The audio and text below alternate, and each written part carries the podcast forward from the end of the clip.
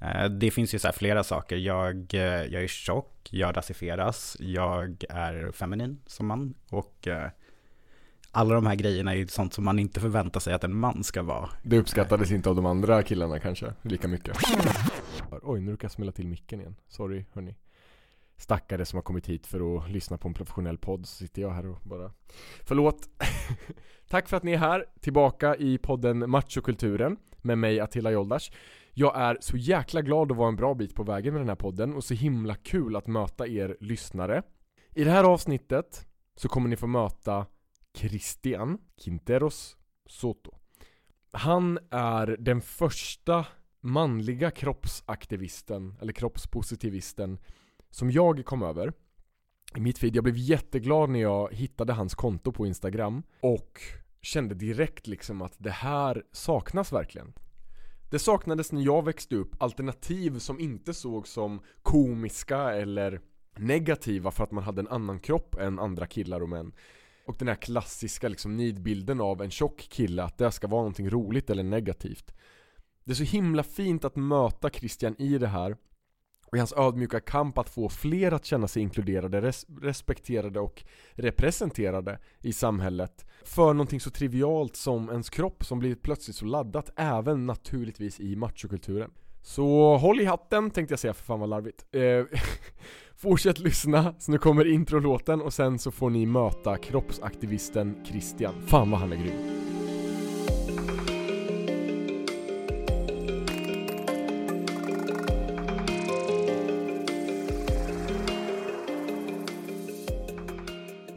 Är det okej okay att kalla dig för kroppsaktivist? Eller föredrar du någon annan term? Ja, just nu så, jo men just nu är det kroppsaktivist. Mm. Så det får vara så. Cool. Jag heter Christian, jag är eh, konstnär i grund. Jag håller på att utbilda mig till det och jobbar som det. Eh, är kroppsaktivist vid sidan, eller där jag har mitt Instagramkonto, My Fabulous Glow, där jag skriver om, om kroppen, nakenhet, skönhet, och så vidare. Shout out my fabulous glow. Tack. så det är väl typ lite det som är det som jag kan tycka är lite så relevant i det här.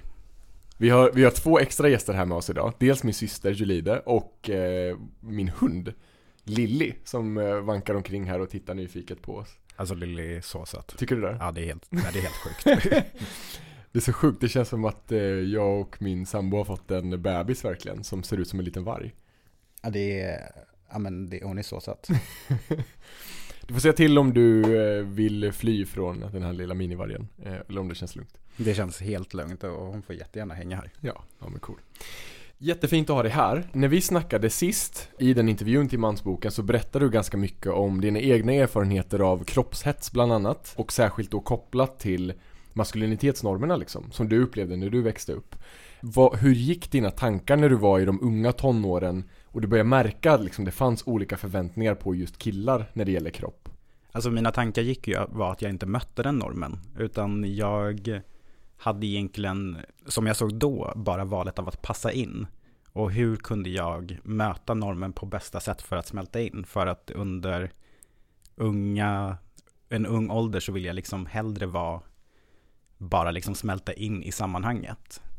Eh, det finns ju så flera saker. Jag, eh, jag är tjock, jag rasifieras, jag är feminin som man och eh, alla de här grejerna är sånt som man inte förväntar sig att en man ska vara. Det uppskattades inte av de andra killarna kanske, lika mycket? Nej, alltså det gjordes inte det. Eller så här, det var som att jag bara hängde på, men det var liksom en så tydlig skillnad mellan mig och dem. och det tyckte jag var liksom så här, det var ju jobbigt och så här påtagligt. Och liksom, jag visste inte hur jag skulle förhålla mig till det, mer än att försöka anpassa mig. Hur, hur gjorde du då? Liksom, hur tedde sig den här eh, osäkerheten? Hur anpassade du dig? Ja men det var genom att till exempel, jag, eh, det är därför jag också så gillar att prata om representation, för typ så här, hur ser vi, hur ser till exempel media på tjocka? Och då var det så här, ja men eh, han kanske kan, jag kanske kan vara rolig. Eh, och så var jag det. Eller du vet så här, jag kanske kan vara så. Och då kanske jag blir mer så här tillgänglig eller och hela den biten. För det slog mig ju aldrig att jag på något sätt kunde vara så här varken en del av samhället eller attraktiv. Alltså det var verkligen så här, ingen av de två Eh, liksom tankarna slog mig att det är så här, det kommer komma en förändring och jag kommer få vara en del av det. Det, det var ju absolut ingenting jag reflekterade kring då. När du till exempel såg och märkte de här andra killarna som hetsade om att man Ja. skulle se ut på ett visst sätt, Mm. ha en viss typ av kropp. Hur kändes det när du, när du förstod liksom att förväntningarna eh, inte funkar för dig just där och då? Och det är så himla svårt för jag kan liksom ändå på något sätt inte heller så här Alltså det handlar inte om att de hets, alltså vi kan, vi, det är självklart att de hetsade och jag hetsade. Men det var inte så här uttalat, du behöver gå ner i vikt eller du vet så. Utan det var när de pratade om sina egna kroppar. Ja men typ, jag behöver ha det här sexpacket eller jag behöver ha de här musklerna eller jag behöver göra, ha det här eller det, det här. Som jag var så här, fast jag har ju inte ens det du har. Och om inte du är nöjd med din kropp, hur ska jag förväntas vara nöjd med min kropp?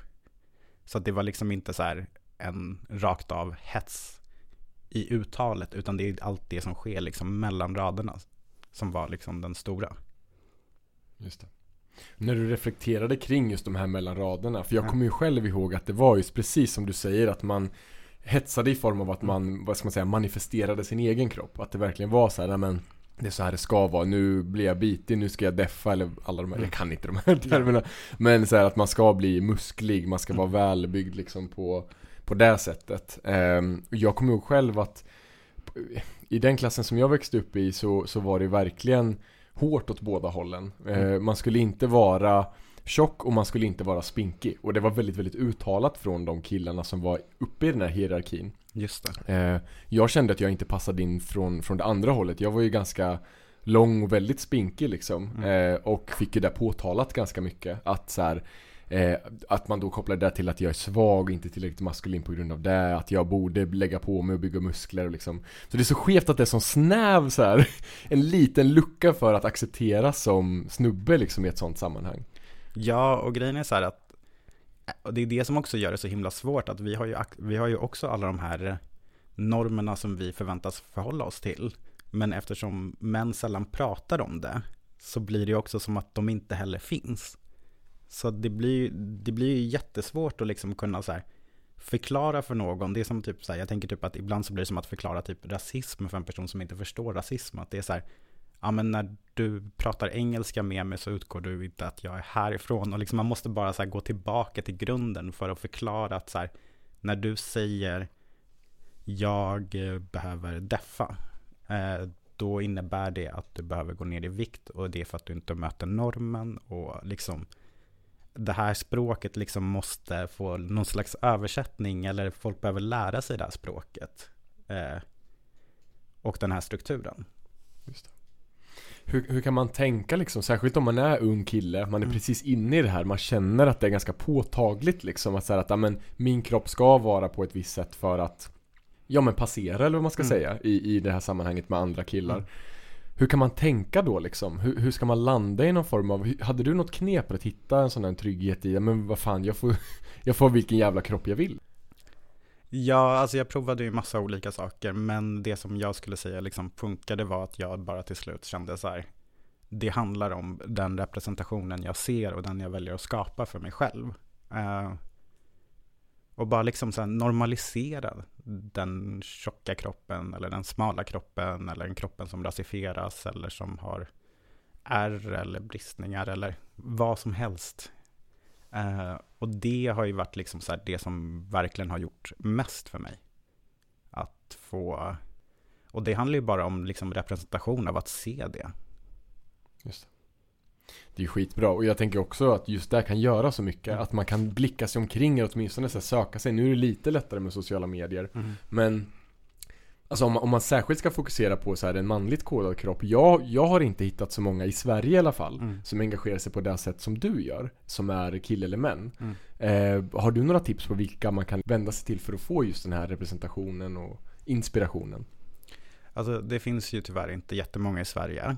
Men det finns jättemånga platser där man kan göra det. Alltså till exempel, ja, men jag var precis på gymmet och så duschade jag och då var det en, en del andra män. Eh, och vi har ju annorlunda kroppar allihopa. Det finns ju typ bastu, nakenbad. Alltså det går också att göra det i verkliga livet. Alltså bara gå till så här en vanlig strand eh, alltså en textilstrand, eh, är ju liksom att se andra kroppar. Eh, jag förstår att det kan vara skönt att göra det via Instagram. Men eh, jag skulle nog kanske rekommendera typ F your beauty standards. Um, men eh, just nu finns det inte jättemånga män eller killar ute. Och vill du starta en, jag säger alltid det här när jag blir intervjuad. Ja, det bra. Så här, vill du starta en, hör av dig, jag hjälper dig, jag, vi, liksom, vi kan spåna fram någonting om det är bara så här pepp eller så här, rent så struktur hur det ska se ut. Vi Mm. fixar det. Jättebra. Jag vill ju tipsa om dig. Alltså det vill ju jag ta tillfället i akt när jag kan. My Fabulous Glow på Instagram. Eh, och, och följa dig liksom. Du delar ju med dig ganska mycket av, eh, väldigt öppet om dina Mm. känslor och tankar, dina Mm. tidigare erfarenheter. Jag tänker att det, det måste Mm. vara så fint och inspirerande för någon som bara säger fan vad skönt, nu har jag någon som jag liksom relaterar till som jag kan inspireras av. Så det ska du ha, du ska ha cred Tack. för ditt arbete. Um, alltså jag, jag minns att jag själv, just under den här perioden liksom i, i hög, mellanhögstadiet blir det ju då. Eh, mitt sätt att försöka förhålla mig till det var att eh, börja träna väldigt hårt. Eh, och jag började träna kampsport. Och då var jag fortfarande ganska ung, det var liksom i början av tonåren. Men jag tränade upp till fem dagar i veckan, fyra, fem dagar i veckan. Och det var väldigt hård träning och jag tog ut mig för att jag ville verkligen få den här Alltså, vad ska man säga, traditionella muskelmanskroppen. Eh, och kämpade verkligen stenhårt för det. Trots att jag egentligen innan de här kommentarerna kom sket fullständigt i min kropp. Har du något tips till de unga killar som så här går out of their way för att säga, nej men jag måste gå på den här dieten, jag måste göra det här och det här för att Mm. få den här perfekta modellkatalog manliga kroppen. För att få bort de här tankarna om att man måste, måste. Alltså dieter funkar inte. De gör verkligen inte det. Jag kan prata av egen erfarenhet. De funkar inte. Um, jag fick ju så här, jag fick en diagnos för bara några veckor sedan som är prediabetes. Och kortfattat så innebär det att uh, mitt blodsocker är för högt. Och nu, nu är det, jag kan inte jättemycket om det, men det innebär liksom att jag behöver vara mer aktiv. Och uh, det är någonting som jag inte heller pratar om så här på mitt konto så här jättemycket, men jag är en väldigt aktiv person. För att, anledningen till att jag inte pratar om det är för att jag inte tycker, jag vill inte lägga någon värdering Mm. i det. Eh, så det är därför jag också kan känna att jag kan prata om det här, just kring den frågan. Och då har det varit för mig att jag så här, jag har rört mig och tränat, haft rörelse, kan vara olika på, ja men typ, o- alltså till den nivån som jag känner att det är så här, det här är, funkar för mig för att kunna röra mig fritt. Eh, men med, med den här så behöver jag liksom så här träna mer. Eh, och det som har varit liksom så här mitt stora problem är liksom hur går jag inte in i hetsen igen? För jag har också haft den där träningshetsen av att liksom träna intensivt. Och alltså jag har också haft liksom med de här tankarna där jag liksom så här tränar intensivt och flera timmar och det, hela den grejen. Eh, men typ en sak som har varit väldigt så här bra för mig nu är att kanske inte planera min träning. Alltså jag måste planera in den i tiden för att jag har jobb och sånt där. Men inte vad jag ska göra. Utan jag går dit och gör vad jag tycker är kul. Inte vad jag borde göra. Att det är liksom träning behöver bli kul. Och det har varit så här superviktigt för mig att kunna så här få in i det här. Träning behöver vara liksom någonting som, ja men, jag mår bättre av det. Jag har liksom lite psykisk ohälsa. Eh, och eh, det gör det liksom, sänker det. Men jag tycker det är så intressant att du går in på just det här med att så här, du har ändå någon form av tanke så här, jag vill inte fastna i träningshets nu när jag Mm. börjar för att du, du ska med diagnosen och allt sådär liksom. Ehm, för det är ju också en av de vanligare ätstörningarna bland Mm. killar och män som kommer fram nu på senare tid är just ortorexi.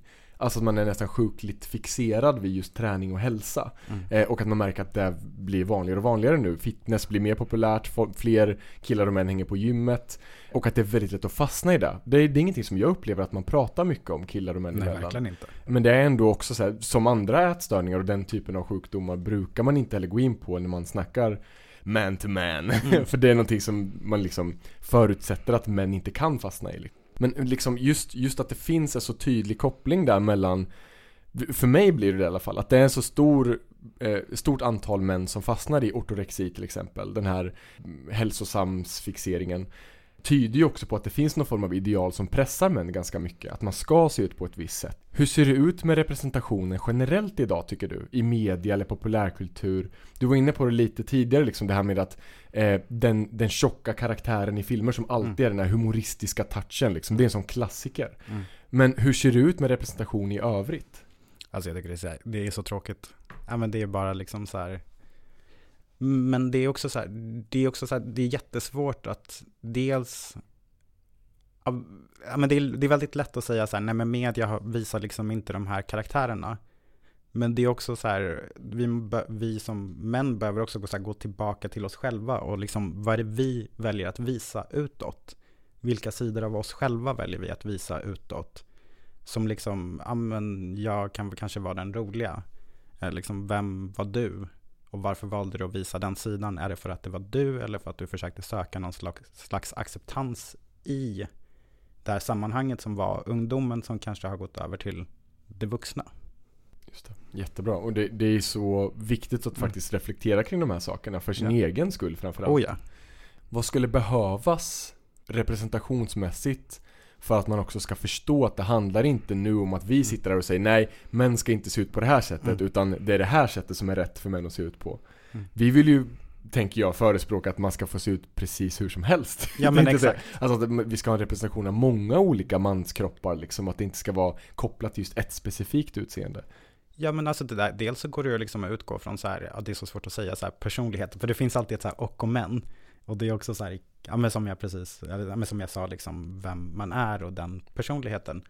Men jag tänker också typ så här, just nu så är representationen så pass dålig att vi behöver vara medvetna om hur till exempel casting ser ut eller eh, det behövs vara den här tråkiga medvet den här tråkiga medvetenheten kring hur en kampanj ser ut, hur en serie ser ut och ja men liksom allt det där det är ju också så här, där kan man ju dyka in i, jag tänker vad, vad kan man göra i sin vardag? Eh, för det finns ju en hel del, både kommentarer om hur en mans kropp ska se ut mm. och hån kring hur mäns kroppar är. Mm. Om man hör liksom den typen av kommentarer som att man fatshamear till exempel någon kille i mm. sin omgivning eller vem som helst egentligen mm. oavsett könsidentitet.